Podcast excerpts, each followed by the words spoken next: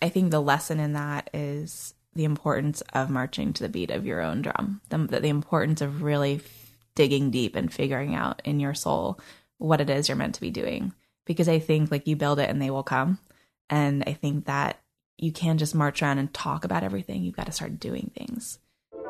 On the 43rd episode of Passion in Progress, author, chef, and TV personality Georgia Pellegrini. Pellegrini is a modern day pioneer with superwoman skills who empowers audiences to step outside their comfort zones and discover inner bravery and resourcefulness. She has three critically acclaimed books Food Heroes, 16 Culinary Artisans Preserving Tradition, Girl Hunter, Revolutionizing the Way We Eat, One Hunt at a Time, and Modern Pioneering. More than 150 recipes, projects, and skills for a self sufficient life. In this podcast, we talk about the process of writing a book from proposal to publishing for unique adventure getaways for women to experience the outdoors. And we dive deep into the topic of manual literacy.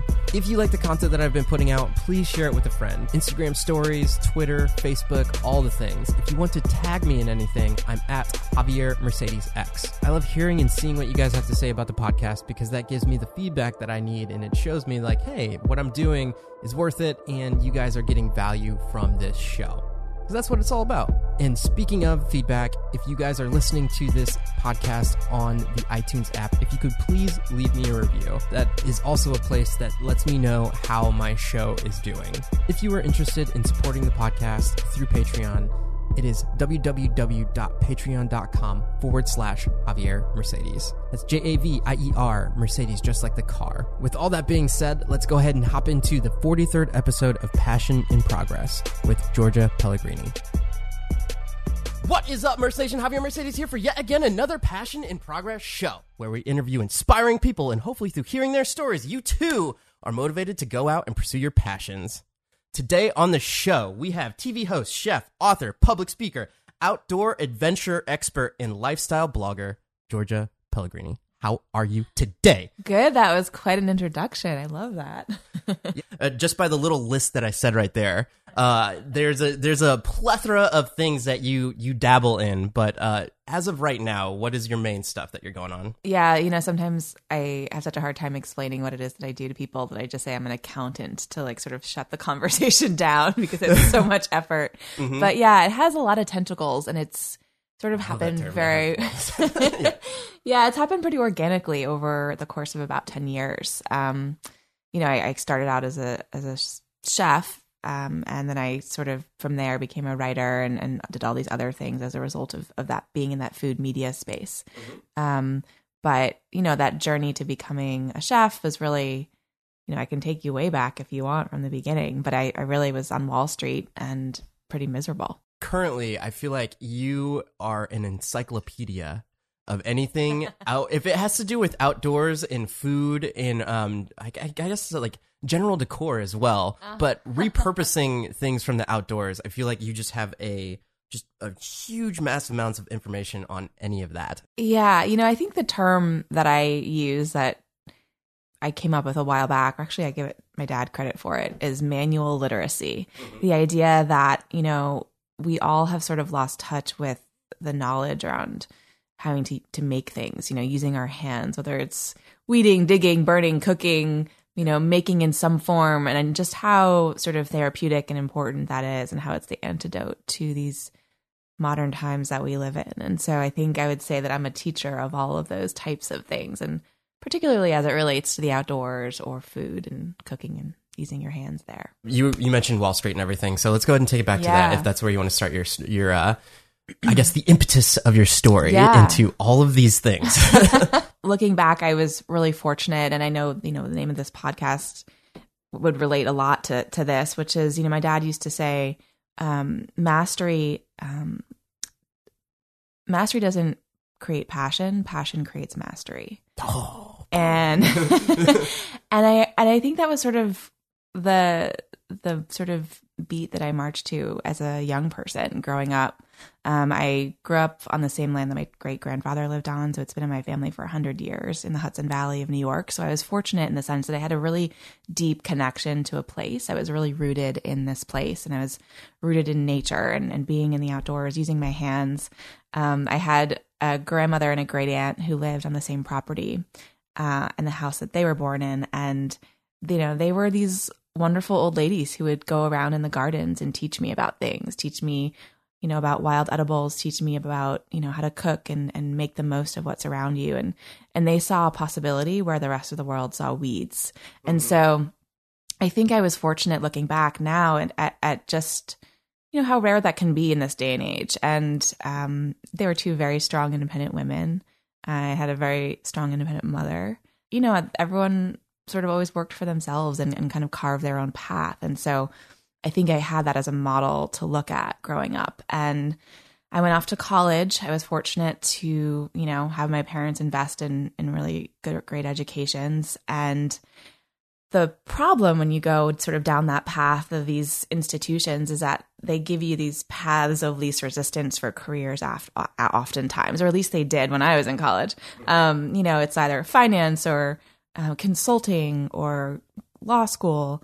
Um, and, you know, I was a poor college student and it was pretty alluring to get an offer in finance where, you know, they whisk you into Manhattan and wine you and dine you and, you know, you spend your time, especially as a summer intern, you know, going to Alicia Keys concerts on the beach, and you know, they, little did like they tell something out of a movie. yeah, yeah. So little did they tell you that you know that wasn't going to be what it was like when it was a full time gig, and um, you know, I accepted the full time job offer after I spent a summer there, and uh, and I went on to work with them after I graduated from college, and you know, it was it was really eye opening, and I'm really grateful for that time actually because um, I think the silver lining when you're doing something that makes you unhappy is that it forces you to think about what you're doing when you're happiest. Mm-hmm. You know, it sort of everything feels like it's in high relief in that moment because you're like, wow, this sucks. You know what? What when do, when am I actually happy? Because I can't remember that time because I'm so miserable right now. And and it, it, forced me to do a lot of soul searching. Uh, I read a lot of books. I, I, I looked at people and thought about you know are they people that I want to be when I grow up. Um, I also took uh, you know the Myers Briggs and tried to understand my personality type, which I'm a huge proponent of. Um, that and the Enneagram, which we can get into if you want. But sure. you know I spent a lot of time really digging. You know, and I'm one of those tinkerers in, in life, so I love tinkering and figuring out how to make things better and fix things and improve things and any aspect of my life i'm always tinkering to see if it's not quite working what can i do to adjust it? And um and so for me you know going home late at night and you know they drive you home in these town cars because they were required to at some point when you were working so late and i would just had tears rolling down my face. And it was feeding my bank account but not my soul and I was just at this moment, you know, and I had these role models in my family of people who were sort of revolutionaries. They didn't really live for the money, they lived for what they were passionate about. Mm-hmm. And I always remember my dad's mantra, which is, you know, mastery doesn't create passion, passion creates mastery. I ultimately decided that w- when I was happiest was when I was doing those things that were really very similar to what I had been doing growing up, using my hands, getting my hands in the dirt, um, practicing what I call now manual literacy. And so I waited for my signing bonus to clear, or my, sorry, my end of the year bonus to clear my checking account. and I just, I checked out. I gave them my notice. How many people leave after that? I feel like it, yeah. there's probably more people in your situation. Yeah, so I was one of the first. I will give you that. I will tell you that. But usually, like I think there's like first year analysts, second year analysts. Some people leave after the first year. A lot of people make it two years. Um, they want two signing bonuses. Yeah, yeah, they want two end of the year bonuses for sure. Um, you know, I think what it came down to for me, and I think it took a lot of, I think some maybe some some kind of intelligence as a young person, but I, I just sort of looked around me and I thought, looked at all these adults in their fifties or sixties, still working, had no relationship with their kids or their family, and and that's not to say I'm criticizing anyone who chooses to be in finance. You know, I think that there are people who really respond well to those environments and have that kind of, you know, passion and brain but I, I just looked at the people around me and, and none of them I felt like were mentors, people who I really wanted to aspire to be. And they didn't seem happy. Um, and there was just a lot of misery. Um, especially, I, did, I, couldn't find a woman around me that seemed happy. Um, in fact, I sat next to Erin Callan every day, who's been pretty outspoken since leaving Lehman Brothers. Because, by the way, Lehman Brothers is where I was at, which we know how that turned out. Mm-hmm. And I actually sat near Erin Callan every day, who has written books about her time at Lehman and the crash. And you know, she was she's really been very honest about the sacrifices that she had to make.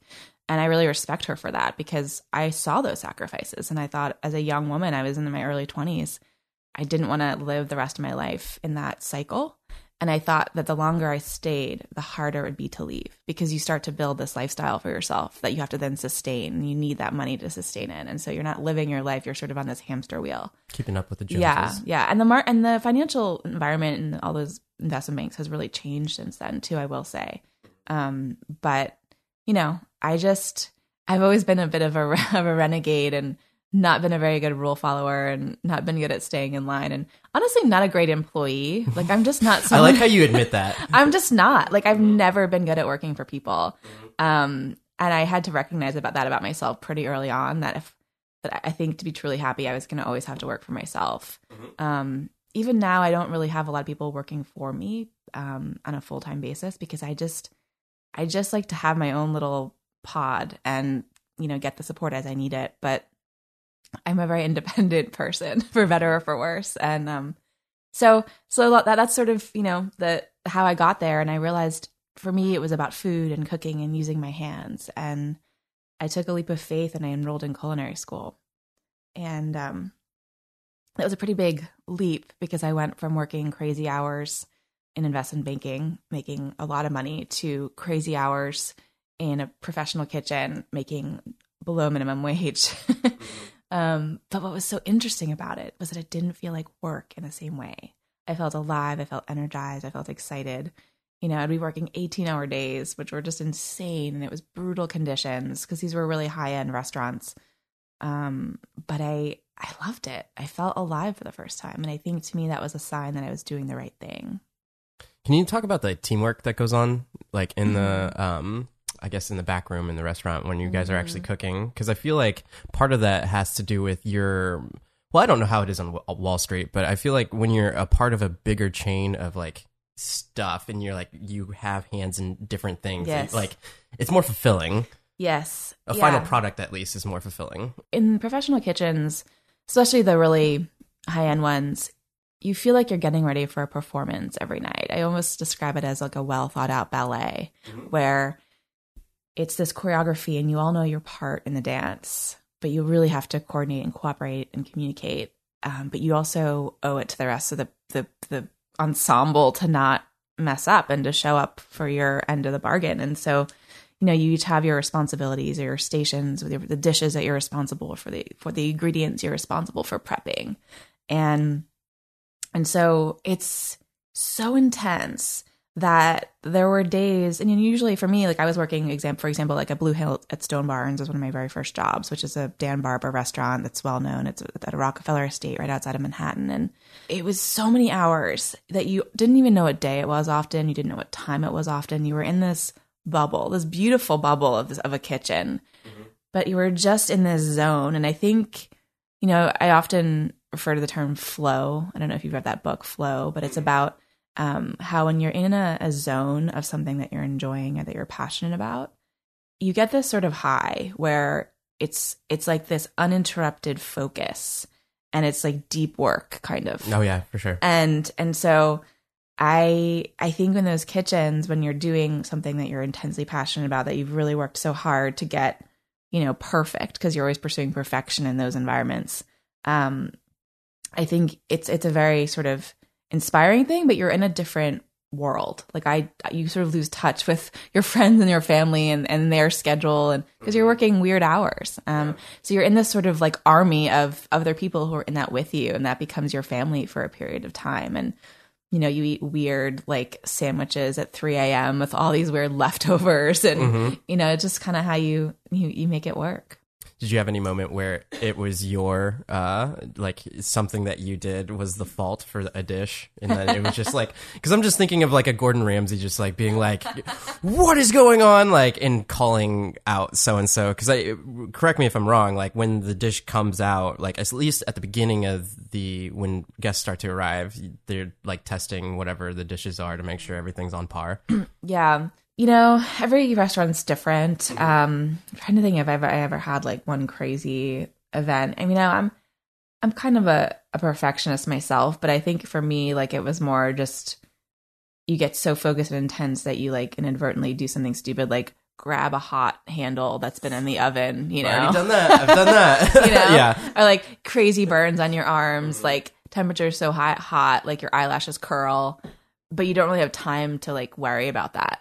And so it's like you feel like you're a little bit in battle. I mean, I don't want to, you know, it's definitely not as bad as being in battle, but I'm just saying like there's sort of this feeling of, you know, this intensity mm-hmm. and it's not something that you experience in normal life. Your senses are heightened. You know, you smell differently, you see differently, you taste differently. Everything is just in a very heightened state.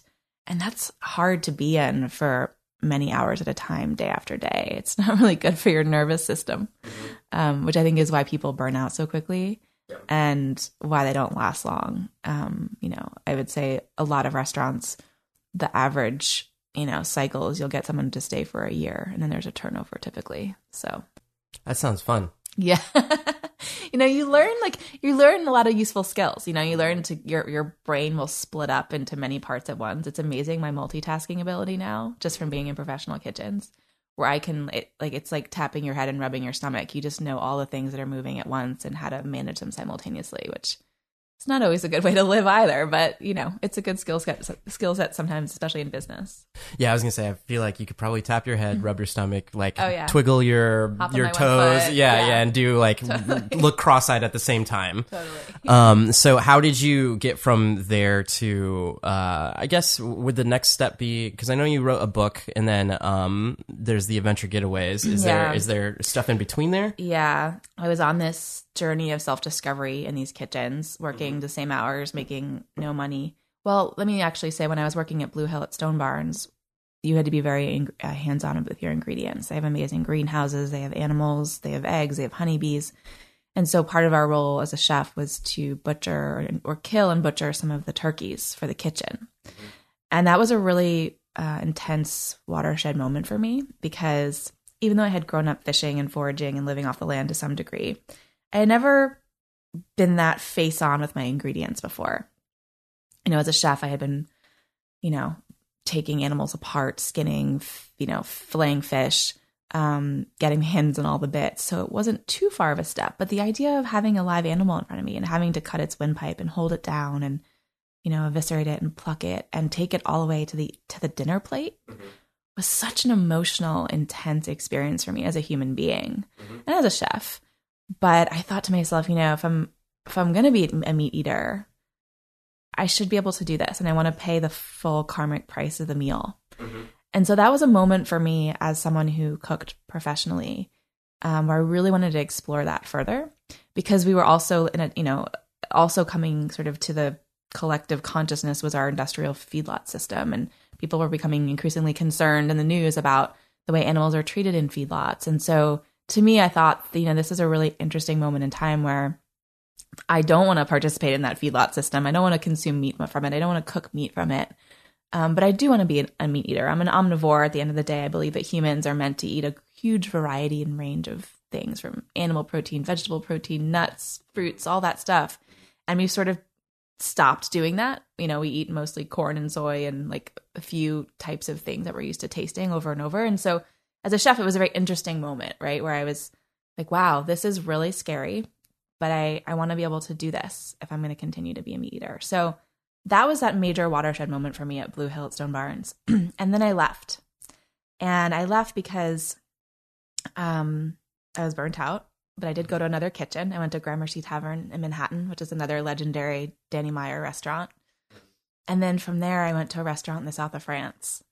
And um, a friend of mine So you were like right into the fire. I was in the fire. Yeah, I was going strong, living my crazy 20s lives with burns on my arms. Mhm. Before you continue, would you agree that at that point in time, in well, I guess it's putting your opinion on ev- anyone, but uh, when you're that age, do you think it's better to stick with one job and like really buckle down on that, or try a whole bunch of different things like you were doing yeah. and uh, see what works? Yeah, that's a really great question. So I struggle with this because I think it oftentimes depends on what type of person you are as well. Um, you know, I see a lot of peop- young people around me now, like millennials or even younger, who come into a situation with like the sense of entitlement and don't really want to. They want to be the CEO and they want to kind of just do what works for them. And I think that there is a degree to which you really have to put your head down and pay your dues. Um, but by that but at the same time, I, you know, in my early 20s, even to my 30s, I probably had like 10 different types of jobs. I was yeah. dabbling in so many things, but I was doing it with an intensity. So when I did do something, I showed up for it and I committed to it. Um, and I think that's what the difference is, is you're entitled to try a whole smorgasbord of things to figure out what is it, what, to, figure, to figure out like what really makes you tick. Cause that's what we're all entitled to as human beings. You know, we, we, we should be doing those things that make us want to hop out of bed in the morning. But by that same token, like you have to, you can't do it half assed. You have to really show up with all of yourself. And, you know, I always say like I do things with the intensity of a jackhammer. You know, I don't really know how to do anything in between because if I want to do it, I'm going to like really be passionate about it and do it and do it well.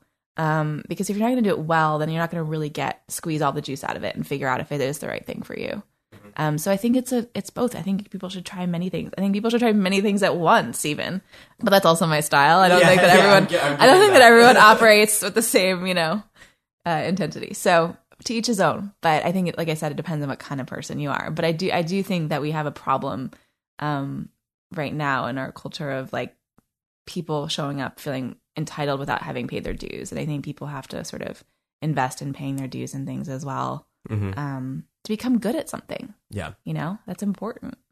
Yeah, I think especially doing this podcast, I don't think I'd be as relatable to any guest or anything if I was just like, oh, I was like freelancing like four different jobs or five different jobs at one point in time and like doing all this other stuff and yeah, everything in my own career. But it it comes ahead in terms of talking to people. I, I kind of put it in terms of um, comedians like if you go see a comedian and they haven't like experienced any life things yes. they're not necessarily relatable yes. in their comedy which some totally. like some people are just really talented and can do that kind of thing but you can tell that when uh, like a comedian really knows or has experienced stuff 100% it builds character and yeah, bringing yeah. character to the equation just makes things more interesting yeah, but with experience, let's go ahead and take it back to France. Okay. Uh, yeah, so uh, you're you're literally in the culinary mecca now. Yeah, yeah. I mean, and I had always had this dream of, of cooking in France. Um, I, it was just this fantasy I had had for years. And a friend of mine who had worked with at Blue Hill at Stone Barns, he had taken his bicycle to Europe, driven through Europe, and stopped off at kitchens and just cooked with them for a week and gone on to the next one. And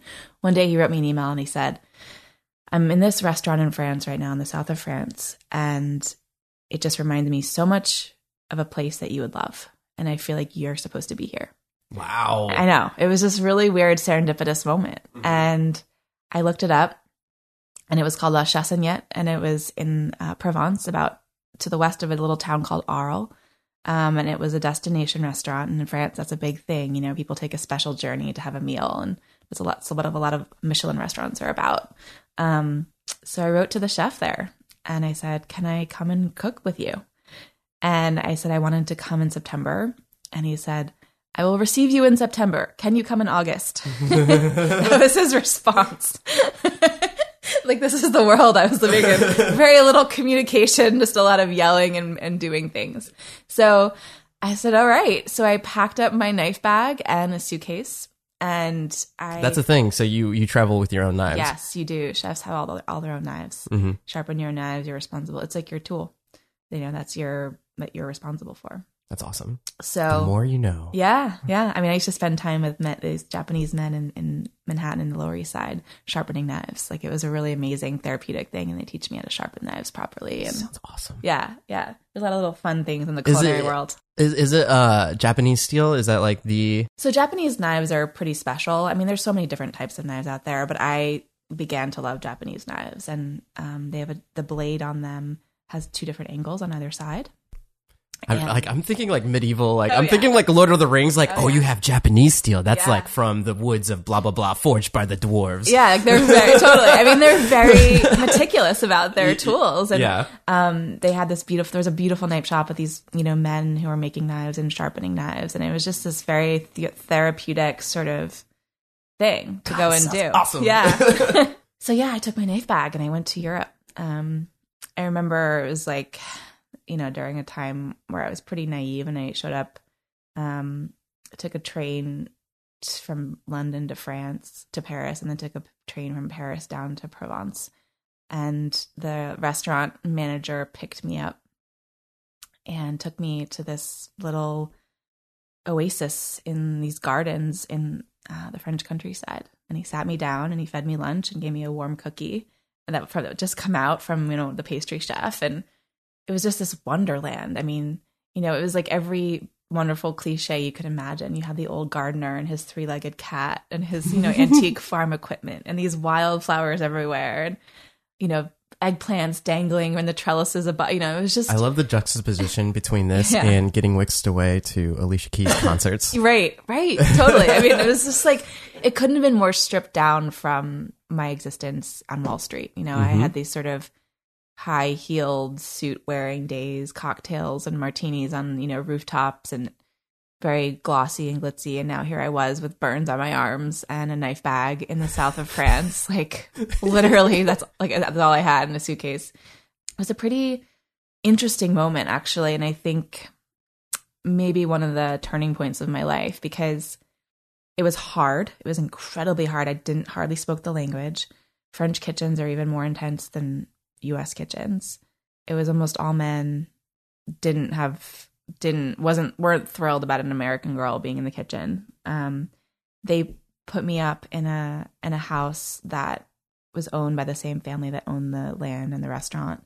But it was sort of this rundown house um, where I had three green frogs living in my bathroom. That's awesome. I had um I, I Did you name them? I didn't actually. I should have though. Um I had, you know, I was sleeping under a tablecloth that I like stole from the restaurant because I didn't have any bedding for my bed. Mm-hmm. You know, it was like a super stripped down existence compared to what I had done in, in my life in New York. But it was really um a special time. You know, I was alone, I was lonely, I was working so hard. But like, you know, every the French and the Europeans have their siesta. So during my time off between lunch and dinner service every day, I'd take a bus to the nearest town, sit at an inter- at a cafe and, and get on my computer. And that was the day like before iPhones, before all these apps, you know, like I had Yeah, this like I'm- I'm really heavy yeah, Yeah. like really heavy laptop. Um there was, I didn't have a cell phone. Um I didn't have any convenience. I didn't have a car. You know, I had to walk to a like a long dirt road to a bus to a bus to get to a town. Do, do a lot of people have cars there though? Yeah, there were people who had cars there. I just was an American girl who like didn't have a car in France. And mm. sometimes the sh- actually the chef would loan me his car from time to time, and I had no idea how to drive stick shift. But I told him I did just so I had a car.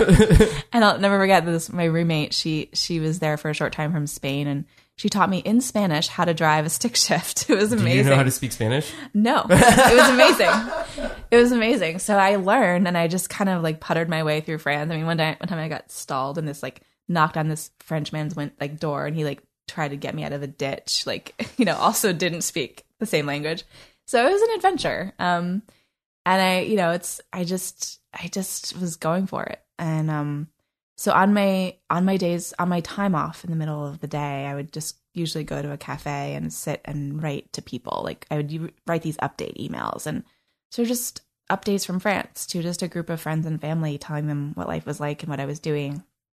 And Blogging before blogging was yes, the thing. exactly. I mean, this heavy laptop, no iPhone, no cell phone. Mhm. I had to, you know, everything was very analog still, and all I had was email and a really heavy laptop. And uh, and so someone wrote to me one day. A few people did, but one guy in particular said, you know, you really should consider writing a book. And I I was like, yeah, you know, I, I have had this concept for either a show or a book, and I you know, I have had it in my mind, but I don't really know where to go from there. He's like, well, send me something. I I know a literary agent. And I was like, all right. So on a day uh, off, or on a day really actually between lunch and dinner service, I went into the gardens at the restaurant and I sat under these quince trees on a picnic table. I opened up this heavy laptop and I wrote in bullet points my idea for this book. And it was called Food Heroes. And the idea was I wanted to tell the story of all of these incredible artisans who I'd met in these kitchens who would show up with these things that they had foraged or someone who was had the world's largest variety of fig trees and someone who was obsessed with olive oil and had left their corporate job to start growing olive, olive uh, pressing olives. Um, I found their stories fascinating, and I found a lot of them had had major career changes. And on my days off, I'd actually find myself spending time with them. I found them really inspiring.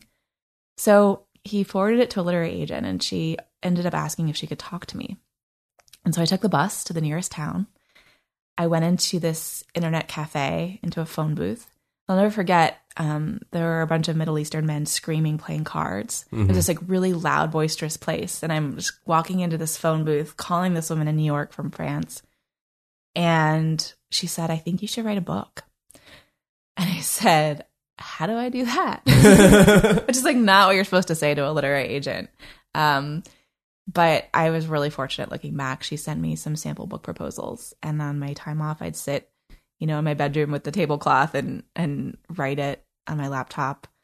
And I spent the last part of my time in Europe um, finishing that book proposal, traveling to a few different other countries to be able to write some of those chapters. And she sold it when I got back to the US. And I went on to write three books in four years, which nearly killed me. but I did it. There's a term that I had on uh there I accidentally misspelled because I heard it wrong, uh veracity. And so I thought he's so it's ferocity, right? But uh I thought he said veracity and he was like I actually like the term veracity better because it pairs velocity with ferocity. Oh, yeah, I was yeah, like, yeah. so I feel like you were approaching it with some veracity. um, hashtag we're making veracity happen. yeah, I mean, you know, I've always been an intense person, and I was just doing life intensely, and but it was what was special about it, and uh, the one sort of poetic, most poetic moment is while I was living in the south of France, Lehman Brothers, where I had worked, went under. That's when it collapsed, and all of my bosses who had spent their lives um, working there, who were in their fifties and sixties, who I didn't want to be when I grew up, they lost everything. A lot of them, they lost a lot. Not maybe not everything, but a lot. And you know, I think for me that was really sad, but also validating that I think you always have to trust your instincts and trust your gut. Trust your jockeys, that someone someone used to say. You know, your jockeys are those people who are like riding your horse for you and like let them do their job and don't try to micromanage them. And um, I think I think that was, you know, trusting my gut and knowing this doesn't feel right to me. Even though it was a scary leap of faith to leave behind that lifestyle and that money, ultimately, you know, I definitely lost the, the stock that I did have at Lee and Lehman Brothers from staying there. You know, I, my bank account, you know, I had nothing in my bank account basically when I was in France because Lehman Brothers went under. And um, so that was an interesting life lesson. I, I had made the right choice. So- You, you were already hitting the ground running on Yeah. your new career. yeah. Four four books. Geez, in three years? Is that what Uh, three said? books in four years. Three books in four years. How long does it take to do something like that? And just from like a three thousand foot view, like Yeah. like you explained a little bit how the first book went down, but after you got the first book out, was it much easier to do the next two? So I think for me, books come out of me because they like they have to. Like I had them in me, and I had things to say that I felt passionate about. Um, I have one gelling right now in me, but it's been a while because if I haven't, I've realized that I haven't had something to say, and I think that's important. Like I think you have to have a really clear point of view about a story, or it has to just be in you that you just have to get out. You have no choice because book writing is brutal. It's very thankless. It's very lonely. Um, I always said they, there should be a support group for people writing books because you're living in this vacuum and you don't have anyone to bounce ideas off of all the time. And and so for me, um, you know, Food Heroes was his first book. I, I just had to tell the story of these people, and I think I related to them because they were really following their passion. You know, marching to the beat of their own drum. Mm-hmm. And so it was about 16 people living in different parts of the world that were preserving these dying food traditions. And I got to travel and, and they would let me into their lives. And I spent time with them and I told their stories and there was recipes at the end of the chapters and I took their photographs. And um, so that was my first book. Uh, and it was, it took me about, I would say nine months to a year from selling it to submitting it. And then there's a process um, once you've submitted it. There's a few iterations where you have to edit first pass, second pass edits, and then they lay it out and they do the art and the book cover. And Who are the people that are overseeing? Like, is it an editor or what? What does that look like? so, you, uh, so I sold my books to so each editor. Um, editors are at publishing houses. Okay. So I'm uh, yeah, like again, Yeah, I'm just like from a three thousand foot view. I Yeah. think just people would be curious in the audience to just Sure. like, oh, how do you, how does one get concept from brain Yes. to uh, in the store. So you need an agent. Agents have those relationships with editors. Editors uh, work for publishing houses and they cover different verticals. So there will be editors who specialize in food, whether it's cookbooks or food narratives or you know lifestyle, maybe gardening. There'll be people who specialize in economics or academic or politics or so. So my agent pitched my book to various editors who specialized in this genre who they felt would be responsive to it.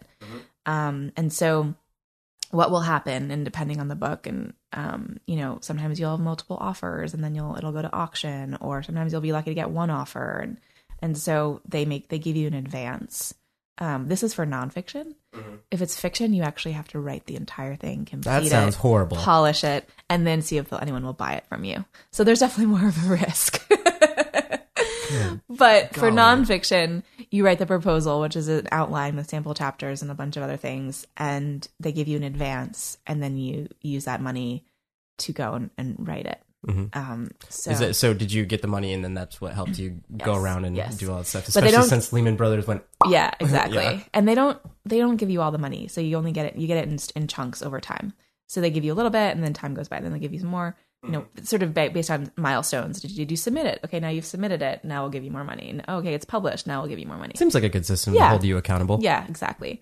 Um so that's what i did and, and that's sort of the process. And you know your relationship with your editor is really important. And so it's important to choose one that you feel like you have a rapport with that you're going to work well with because this is your life for the next couple years. Um and i actually sold my second one before my first one came out That's crazy. which is crazy. I mean, I think you know times have changed, I, I guess. But um, my second book was called Girl Hunter, and that is the one that I think um, I think that was the one that cr- created the most waves, perhaps, or, or or at least got the most attention in terms of my career progressing, because I told the story of my journey as a chef going over field and stream in search of the main course because I took it back to that moment when I was killing that turkey at Blue Hill at Stone Barns.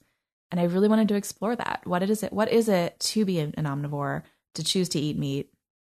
And what does it take to really do it all yourself, to roll up your sleeves like our grandparents' generation did or our great grandparents' generation did and and do more with less and and and harvest your own food. So interestingly, the editor for that book was a, a vegetarian. And what I loved about that is that she and I both realized that we had the same philosophy about food and meat eating, meat eating and the importance of our relationship with it. But the only difference is that she realized she couldn't kill the animal and I realized that I could. And um it was a really wonderful relationship that we had. And we um we worked on that book for a while and once again though I cranked it out pretty quickly because I had it in me. I just had to tell that story and I had started a blog at that time um, it was just my name, georgiapellegrini.com. And I started chronicling some of these experiences with the artisans that I was meeting in my first book or my journey as a chef trying to go hunt javelina in West Texas and make it taste good. And, um, and people were starting to invite me on these hunting experiences at their ranches or their land. And it was one of those weird moments um, when I was still pretty naive that people, when they read your blog or your website, and now more than ever on social media, they feel like they know you and and you don't realize that people feel like they're familiar with you when when you're just putting things out into the world you sort of forget people are actually reading it and watching it so i got myself into some pretty funny situations you know just showing up to places um looking back probably wasn't the best judgment but it always worked out but you Mhm. know showing up and meeting strange men and like 5 a.m. to go hunting with them and got you know, with guns and, and such. They're like, hey, I saw this post. We should thing. do this. Yeah. Yeah. But it was cool because I got to tell some really cool stories. And that was my second book, Girl Hunter. It was every chapter was a new place, a new hunt, a new uh, animal, and then a new set of recipes. And it has, I think, over hundred recipes in there um, for how to cook and age and and make wild game. And uh, that was a hit because I think I was. It was surprising. I didn't fit the profile of the typical American hunter in people's minds. I think you know there's this cliche that hunters are men who go out into the woods together and tell dirty jokes and shoot at things. And I was suddenly, um, Is it true? you know, it's really not. I mean, you know, there's always an, there's always an idiot, you know, Yeah. in life, um, in many aspects. But you know, overall, I think that hunters are very thoughtful um, conscious human beings who are approaching the world and the land around them in a very different way. Mm-hmm. And I think that as someone who cares about my relationship with food and wants to do something that's not always, you know, supporting the feed industrial food feedlot system that we have, I, I thought it was an important way to choose to eat meat. And I think you respect it more. You use more of the animal when you've had to work that hard for something. It has a whole new meaning. And once again, being out in nature, being in the wild and hunting, in a way, it's a lot like being in those professional kitchens. You see differently, you smell differently, you taste differently. Your senses are heightened in a way that they're not when you're walking down a city street. And I think being that alive and being that present is such an incredible experience for humans that we don't have we don't do often enough anymore. We're all sort of operating in this manic state on the you know surfing the information highway and on social media and rea- we're all being very reactive all the time. And I think being in nature, hearing the woods wake up, um, having activating those senses that aren't as active and present as they normally are everyday life is it's just a really special thing. And I, I think it's in our DNA as humans. And when you activate that, it sort of like flips this switch in you and you become hooked. You want to be doing it more. You want to be out in nature more. Um, and that's sort of how my adventure getaways came to life. With your adventure getaways, explain exactly what it is that you're doing with them now. And then with with that, is there any person that's come back that's just ex- like talked about how they don't take food for granted now? Oh my gosh, yeah. I mean, I have to say, I think one of the greatest blessings of my life are these adventure getaways. And let me tell you a little bit for your audience what they yeah, are. Exactly. Yeah, yeah, exactly. exactly. Um, When my second book came out, um, I started waking up every morning and getting these emails from strangers, and they would say things like, "I think you can help me" in the subject line.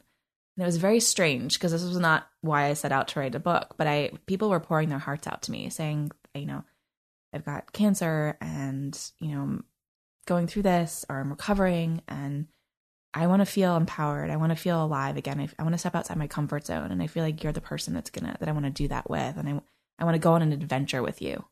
Um, I'll never forget, I had a man write to me about his 14 year old niece. And she had been depressed for a really long time. And they couldn't get her to snap out of it. They tried so many things. And one day she just did and they they couldn't figure out what was going on. They said they finally asked her. They said, "What is it? Like, what's changed for you? Why why are you why are you feeling differently?" And and she said it was because I I had made her realize that there was nothing that girls couldn't do. And you know, every time I just still get chills every time because that was never really my intention. But I think I'm a big believer in in showing by doing rather than telling. And so, like living a life that you want to live. And I think other people will be encouraged by that. And so I was getting a lot of emails from strangers who were encouraged um, to change their life in some way. Um, they wanted to leave their corporate jobs or they wanted to just feel the wind in their hair. You know, they just needed something different.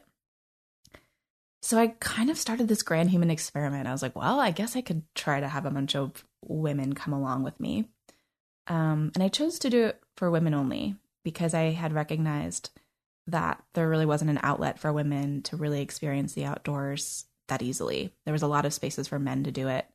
Um, it was a thing that men would go off and do together, but women were sort of left at home. I love how you're like niching down. Yeah. But I also think it goes back to just having been around strong women growing up who really inspired me. Uh, I went to an all girls high school, I went to an all women's college. So I just, you know, interestingly, I worked in very male environments on the trading floor at Lehman Brothers in professional kitchens. So I've never come at things from the angle of like hardcore feminists. But it's just been really about, you know, wanting to support other women. And I think that women should be doing that for each other. Um, and I think that's, you know, when we lift each other up, we all rise. And so uh, I wanted to take women on this experience because it had been one that I had been on with a lot of men and I never, never had had a lot of women to do it with. So I planned the first adventure getaway and it took on a life of its own. Where I, was it? Um, well, I had a little mini one for the launch of my book, um, and that wasn't really one. That was in Texas. The first official one was in Montana, mm-hmm. um, and it was wild. I had a long waiting list. The Wall Street Journal wrote about it. Um, I had another one because I had this long waiting list. And then the New York Times came and followed us around. And then I had more, and you know, women were. I had a woman come from as far as South Korea. Uh, then HBO came and followed us around, and I mean, I, I, had just all this media was coming, wanting to tell the story because they thought it was really interesting that these corporate women, these women who had never, you know, filleted a fish or harvested a, you know, a dove or a deer or anything, were actually suddenly getting their hands in this. Going from Wall Street, uh, glossy cocktails, over to France, three legged kitten, like all that stuff, like there you wanting to tell the story of other chefs now at this point in your life all these other media outlets are coming to tell your story. How about that? How about that? Yeah it's it's really it's been a wild ride. You know i and it's none of this was premeditated you know and i think i think it i think the lesson in that is the importance of marching to the beat of your own drum the, the importance of really digging deep and figuring out in your soul what it is you're meant to be doing because I think like you build it and they will come. And I think that you can't just march around and talk about everything. You've got to start doing things. Um, because I think showing by doing is what inspires change and, and action and, and others to to follow and um, be interested. And so, and you know, it's like the media stuff has been nice, but I, it's all about the work for me. Like I love that I have designed the life that I want to live you know, my life is my work and my work is my life, which is a really strange existence. Um, I live this life that has become, I guess, what they call a brand, and I and I've had a hard time with that word brand for a long time because it's felt, felt synthetic. But I guess everyone's got a personal brand at the end of the day, and it's what you put forth into the world. That's kind of one of the things I talk about a lot when I do public speaking is you know the importance of defining that personal brand and and tapping into sort of who you really are and want to be and and honing that and what owning does, it. What does the uh, the term "living your own truth" mean to you? I think it's really living living the life that makes you want to hop out of bed in the morning. You know, like I love hopping out of bed in the morning. I don't have a day where I'm like, oh, I can't deal with the world today. I'm like, okay, let's go. What's going on today? Like, I got things to do.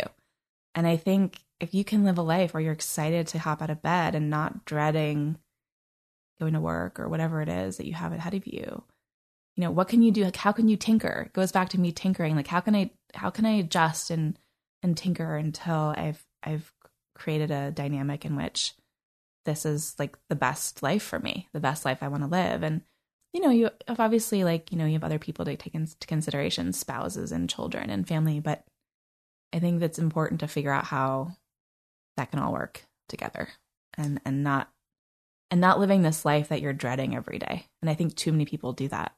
Mm-hmm. Not only that, but by you living the life that you want to, you're setting the example for everyone around you. Totally. Yeah. And I think women, especially, need to do that for each other. I, I didn't have a lot of female role models or mentors growing up. I had great I had great women in my family, so they were role models, but I didn't have any in my work environment. Um, and I didn't have a lot sort of reaching out to me you know, to, pro- to professionally encourage me. And so I, I think what's so incredible about these adventure getaways, I just had one two weeks ago. And so it's fresh in my mind. The women that came were so incredible. It just blew my mind. I mean, accomplished in their own right, but it's like this network that forms of lifelong friends. And they live all over the country, in some cases in other countries. And they have reunions and they stay in touch and they come on the next one together. They plan who's going to go on which one. And I have this secret women only Facebook group for these adventure getaways that they all kind of communicate on and and um, I always encourage women to join that if they want to be part of that network and even if they haven't gone on an adventure getaway because I think what's so cool is you have this like this network of like powerful sisterhood, you know, and everyone brings something interesting to the table and they're funny and smart and, and, and dynamic and the fact that I get to be part of that and we go out into the woods together and have a great time and you know, it's, I think women especially are their own worst critics. Oftentimes we self edit, um, we're very meticulous and hard on ourselves. And I, I think this environment is a chance for women to try new things with abandon and not take themselves so seriously. Try it knowing you're not going to be perfect all the time at it. Um, but it's a, it's a, it's a space to try things and fail and, and laugh and, um, it's really it has this magic fairy dust on it. These trips, they really do. It's crazy. Every time I'm like so OCD about planning them and making sure they're up to my standard, and then they just unfold in front of me, and I'm like, wow, like everyone just keeps getting better. Just when I think like it's not going to get better, it does. So it's incredible to to be part of that network and have access to all those women in my orbit now, and how incredible it is that it just sprung up organically as a result of just me trying to tell my truth. It sounds like you have, uh, especially during these kinds of trips, a sense of like very meaningful conversations and Yeah. getting past fluff within the first like whatever. Yeah. But I'm actually curious with your very first getaway, the the first official one versus like now, what have you learned in just, just from the practical standpoint of like when you set to go out and do one, what are you looking for and all that kind of stuff? Cuz I'm I'm curious like when if I were in your situation and people are reaching out and they want to do this and you want to provide a good experience, Yeah. like oh, where's step 1? Where do you go from there? That whole thing. Yeah, it's a great question. I'm going through it right now, actually, Then the next one. Um, so I have really high standards, and part of that is because I've earned a tremendous amount of trust over the years from these women, and I take that seriously. And so I've had a lot of venues reach out wanting me to do them there, and I've really had to be specific and uncompromising about the variables that I need in order for it to be kind of what I'm looking for for them. Approaching it with veracity. so you know i want it to be that really perfect combination of ruggedness with creature comforts you know women are not going to go sleep in you know a tent and like not shower for four days you know I, I want them to feel comfortable and have an opportunity to have fun and let their hair down but they're also going to like go out into the woods and get blood on their hands and you know be on an atv high up or do things that scare them um and so it's that balance of giving them those like uncomfortable step outside your comfort zone moments with the ability to like have a nice glass of wine at the end of the day and you know make things and learn to cook it at the end. For example, the the uh, adventure getaway I just had, it was a wild boar adventure getaway. So we hunted wild boar. I taught them how to skin it. I taught them how to butcher it. We made sausage. Um, you know, then we had like a sommelier there who did a wild game wine pairing class, which was so interesting. Uh, we made bespoke smudging sticks, you know, where you like get the, awesome. the energy right in, in your life. Um, just fun, hands on, like I said, manual literacy, how to use your hands in so many different types of ways. And what's so incredible is that these women are naturally so patient and meticulous. Women are in general. And so they always think they're going to be terrible at these things. And they show up and, like, you know, they're so good naturally. And I think that's what's so interesting is women always come to the table with, you know, a certain degree of humility and they always outperform. It's just amazing to watch. And um, it's fun to see them get, you know, get their knives out and start skinning this wild pig for the first time in their lives. And they're just ecstatic. And, and then they bring all this food home for their families. Um, they have my one friend, um, she just went wild boar hunting with on this trip and you know we made all this these cuts of meat and this sausage and we everyone gets their own cooler to bring it home in. And she hosted this incredible wild boar dinner party in her Brooklyn apartment with like big balloons that said wild boar and like metallic silver. And you know she made wild boar bolognese. She made um she made this incredible um like loin. And she also made uh, like a like a confit with fat where you spread it you know like a rillette rillette um you know because i give them all these recipes that they can try and so they take it to the end which is what i want you know? It's not just showing up and like shooting some trophy and hanging it on your wall. Like that's not what this is about and that's often what i have to articulate to these venues. Like this is a different type of experience. This is not a corporate hunt or something. Um it's about like the cycle of life and and participating in that. So it's and everyone women come back often. And so i want each new experience to be new. And so it's everyone is like ground up. So it's not a scalable business i will say that. Yeah. and there are moments where i'm like why am i doing this? Um but you know it's just there's something about them that makes me want to keep doing them. So I love the term that you just said. It's not a scalable business because you're like, look, I I'm a very businesswoman, but just to if anybody Yeah. wants to hop on this train, Yeah, there are elements to a business that needs to be that need to be scalable, and then sometimes there are elements that create a platform that are brand building that are that put something else out into the world that's still important. And I think you need to have a balance of those two things mm-hmm. for it to be a, a rich brand. I think uh, just from hearing you speak about it, it's a one-on-one experience that probably has so much more of a butterfly effect Yes. on and the longer you do it the more it's just gonna spread the the positive vibes from it It's a really good way of putting it. Um, and I think one of the things I had come to realize is that people can read my books, they can read my website, but I really want to have in real life experiences because at the end of the day, that's what I'm about. I'm about like the real life aspect of things. And even as much as I have to participate in the virtual reality in, in order to promote my work, I think it, I want people to have that experience with me if they can. And you know, it's a very intimate, intense bonding thing that these women have. And it bonds you for life. I really believe that. And um and so it's it's a you know, it's something that I want to be able to do, like look people in the eye. It's not just ask them to go on my website or read my books. Although it's cool when they've, you know, read my books and they've been saving up and they know my story. And sometimes like this one woman, her husband just bought it for her as a birthday gift. You know, she had been reading my books for years and he sent her, which I thought was he's like that's a good man right there.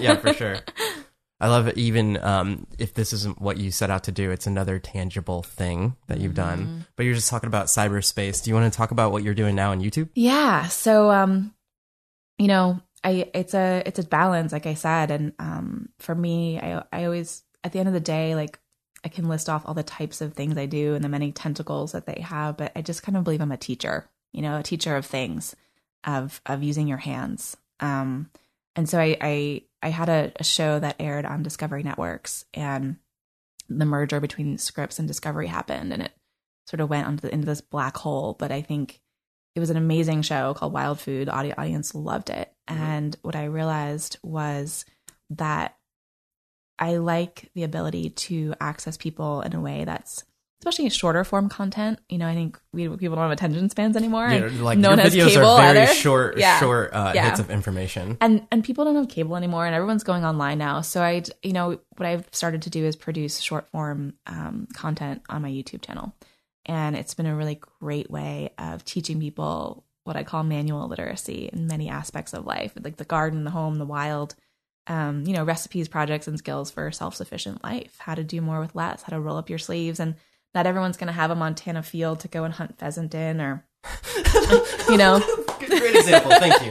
Because i know? don't. You don't? Um, you know or like you know a ton of land around them. You know we all live very different lives but there are ways that you can get back to the land even in the smallest of ways whether it's you know living in a studio apartment in manhattan and growing 25 pounds of potatoes in a garbage bag on your fire escape or you how know. about that? Or making butter, you know, in your kitchen um, with your kids, or making homemade fresh mozzarella. That's it's actually simpler than you think. And so, for me, I wanna. I think those are the things that bring people joy in life.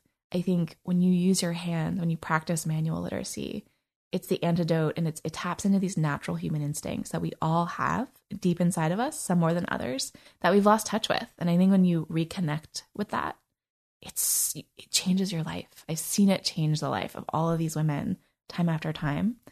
And so my hope and my goal with, with this YouTube channel is that it will it will spark um, joy and happiness and and, and empowerment.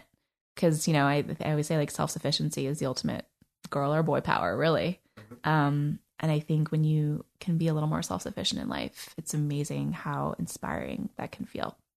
Yeah, and I do think with the videos that you put out, that is a scalable thing. Yeah. Especially for people that want to get familiar with your content. Yes. Just to give the audience an idea, can you just uh, like a, a lightning round? Um, Mm-hmm. Give three ways to use coffee grinds, but not for coffee. Okay, great. Yeah. So coffee grinds are amazing, actually. They're um, acidic and abrasive. They also have caffeine. So, what I like to do is when you have your morning coffee, you've got these coffee grinds, and most people toss them out after they've made their coffee, but you can upcycle them. So, one of the things I love to do is actually make a body scrub. You mix it with some brown sugar, some sea salt, some olive oil, and some the coffee grinds. Keep it in a jar in your uh, like your shower rub it on your body. The caffeine is actually great for your skin, especially for women. It tightens your skin, it reduces cellulite, and it feels amazing. And then the olive oil will just moisturize. So that's a really fun way. if you don't, if you're not worried about your your cellul- cellulite, you can um, actually take the coffee grinds and put them in your compost if you have compost, or if you have indoor houseplants, you can sprinkle them on the soil, and it actually helps keep away insects and ants.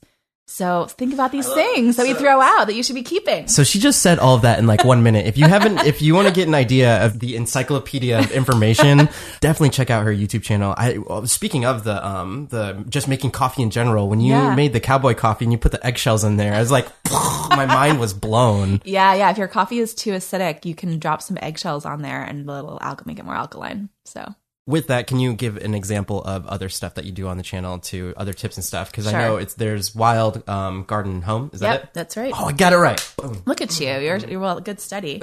um yeah, you know, and it's a huge range. Some are funny and whimsical, some are more serious and useful. Um like I have a really fun one that's like, you know, take an Altoids tin and empty it and turn that tin into a 48 hour it was a legit survival to- toolkit. And you just like put it in your back pocket, put it in your glove compartment.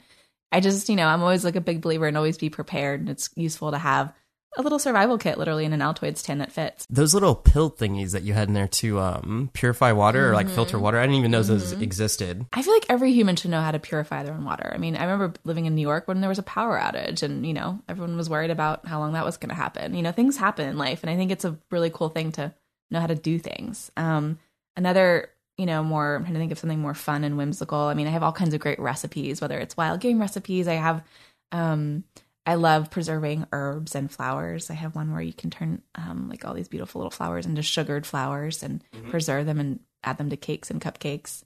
Um, I didn't even know what a, a succulent was until you did that that one video. I was like, oh, that's what these things yeah, are. how to how to grow and and uh, have succulents that are that are doing well. I feel like a lot of people kill their plants, and so some tips on how to how to not do that.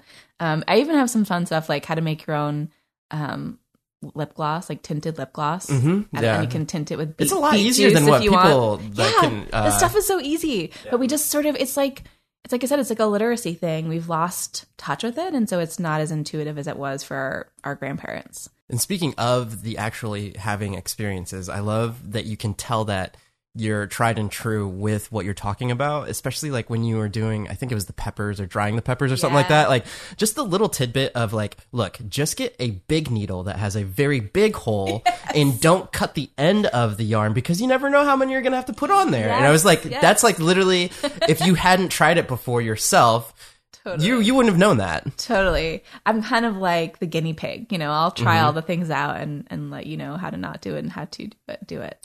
Uh, so there's two questions that I ask everybody at the end of each podcast, Okay. and uh, first one is why do you do what you do?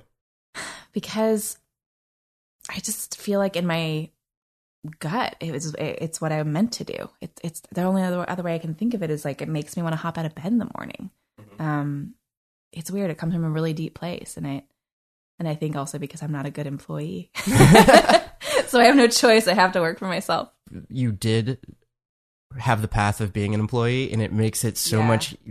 You have so much more respect, or I do at least. Whenever I have to like freelance or um, give out, uh, I can't even think of the term uh, when you delegate Yeah. uh, things. I'm like, I know exactly what this person has to go through now in order Mm-hmm. to do this task. Totally. uh, it gives you so much more of a good background in that. And then the second one that I always ask everybody is to get from, let's say you were at Wall Street and you just left Wall Street, to get from that point to where you're at now. If somebody wanted to not follow your same exact path, but it sounds like you are very uh, living your truth kind of thing. Yeah. Um, what advice would you give? I get this question actually a lot from um, college students and young people who that's write to that's me. Actually, that's who I try and gear it towards. It's like because Yeah. when I when I one of the questions that I always like to ask is when people are graduating because I feel like that's such a turning point. Yep. And with Totally. people coming on here talking about their passions, there's a lot to be given from the specific career paths that people have chosen. And I think it's a really important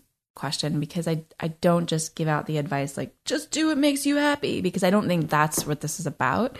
I think it's understanding who you are. And I think the the moment that I took a Myers Briggs and I most recently took an Enneagram and really understood who I am, that was the moment that I felt really empowered to take the path that I wanted to take.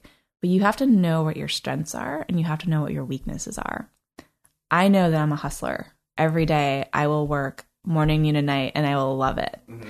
And I don't know it. I couldn't tell you what day this is right now. I don't know if it's a Saturday. I don't know if it's a Monday. Like I work all the time, but it doesn't feel like work because I love what I'm doing. You have to be that kind of person to do certain things. Some people like the security of certain things. They like the security of a paycheck. They like the security of, you know, just kicking back on a weekend by the pool with a glass of rosé. Like I'm probably not the person who's going to do that. And that's okay. Like everyone's got a different personality type. So I think you need to really understand your personality type before you just say, "Hey, I'm just going to go wing it." Mm-hmm. For me, I never felt like I was winging it. I felt like I was taking a risk, a leap of faith, but I also understood my my jackhammer personality such that I would hustle until it worked or I'd make I'd figure out a solution for myself always. And so I think it's about really understanding who you are, what your strengths are, what your weaknesses are.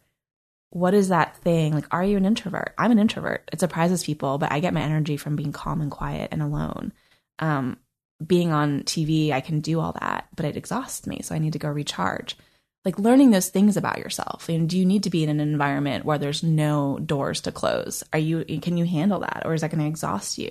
Um, it's those little th- tinkering things, you know, of really honing in on who you are that I think allows you to build that roadmap to a more empowered, fulfilling life. Um, but you really need to figure that out, those fundamentals first. And then from there, figure out, okay, like what does my ideal life look like to me? What am I doing when I'm at my happiest? And I think, I think if you could answer that question, there's a way to find a career around that. Yeah. And I'm familiar with Myers Briggs, but what's the second one that you referred to? It's called the Enneagram, and it goes a little more deeply into um, the nuances of personality types. It's numbers one through nine. Um, and you figure out what number you are based on a series of questions. There's like an online version that you can take. It's like eleven dollars, and it's worth it. Um, and it's very layered. It's like peeling back an onion. It's a, it's a, and it's also interesting. Just think about like if you have a, a spouse or a partner, um, finding out what their number is and seeing how those two numbers work together. Um, I'm a big, big believer in that sort of self investigation because it's like you're always, you always want to be working on yourself in life, right? I mean, hopefully we're getting better with age, I hope, and uh, more mature and more wise. And I think the only way you do that is by really knowing yourself, and and I think that makes you a more grounded human being on this earth and better to other people and better to yourself. Awesome. I'll have to check it out. Where can people find you? GeorgiaPellegrini.com. Um, and then all of my social media is linked from there. My YouTube is Georgia Pellegrini. Um, and that's where I'm doing a lot of my content right now. And then we have from my georgiapellegrini.com website a link to my Adventure Getaways website, which is adventuregetaways.com. Awesome. And then just for your adventure getaways, what does that look like if somebody wanted to pursue reaching out to do something like that? What's, Yes. what- is there a process? How does that look? So I would encourage um, women to join the secret women only Facebook group. Um, I they this can, term like it's Yeah, secret. I'm Heard it here on I'm, the I'm getting the world show. the word out. It's not a secret anymore. Um, they can access it. I have a link to it from my Instagram page on in the bio. I have an, a link to it from my main Facebook page.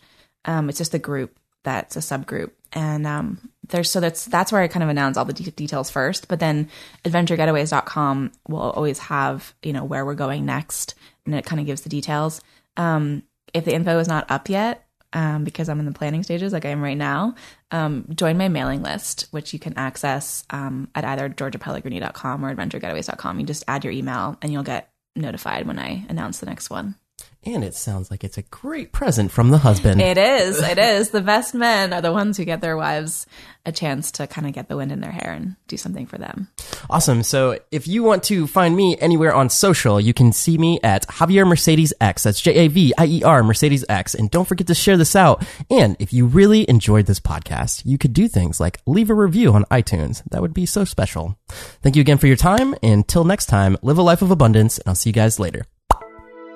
If you guys are listening to this podcast on the iTunes app, if you could please leave me a review. That is a place that lets me know how my show is doing. If you are interested in supporting the podcast through Patreon, it is www.patreon.com forward slash Javier Mercedes. That's J A V I E R Mercedes, just like the car.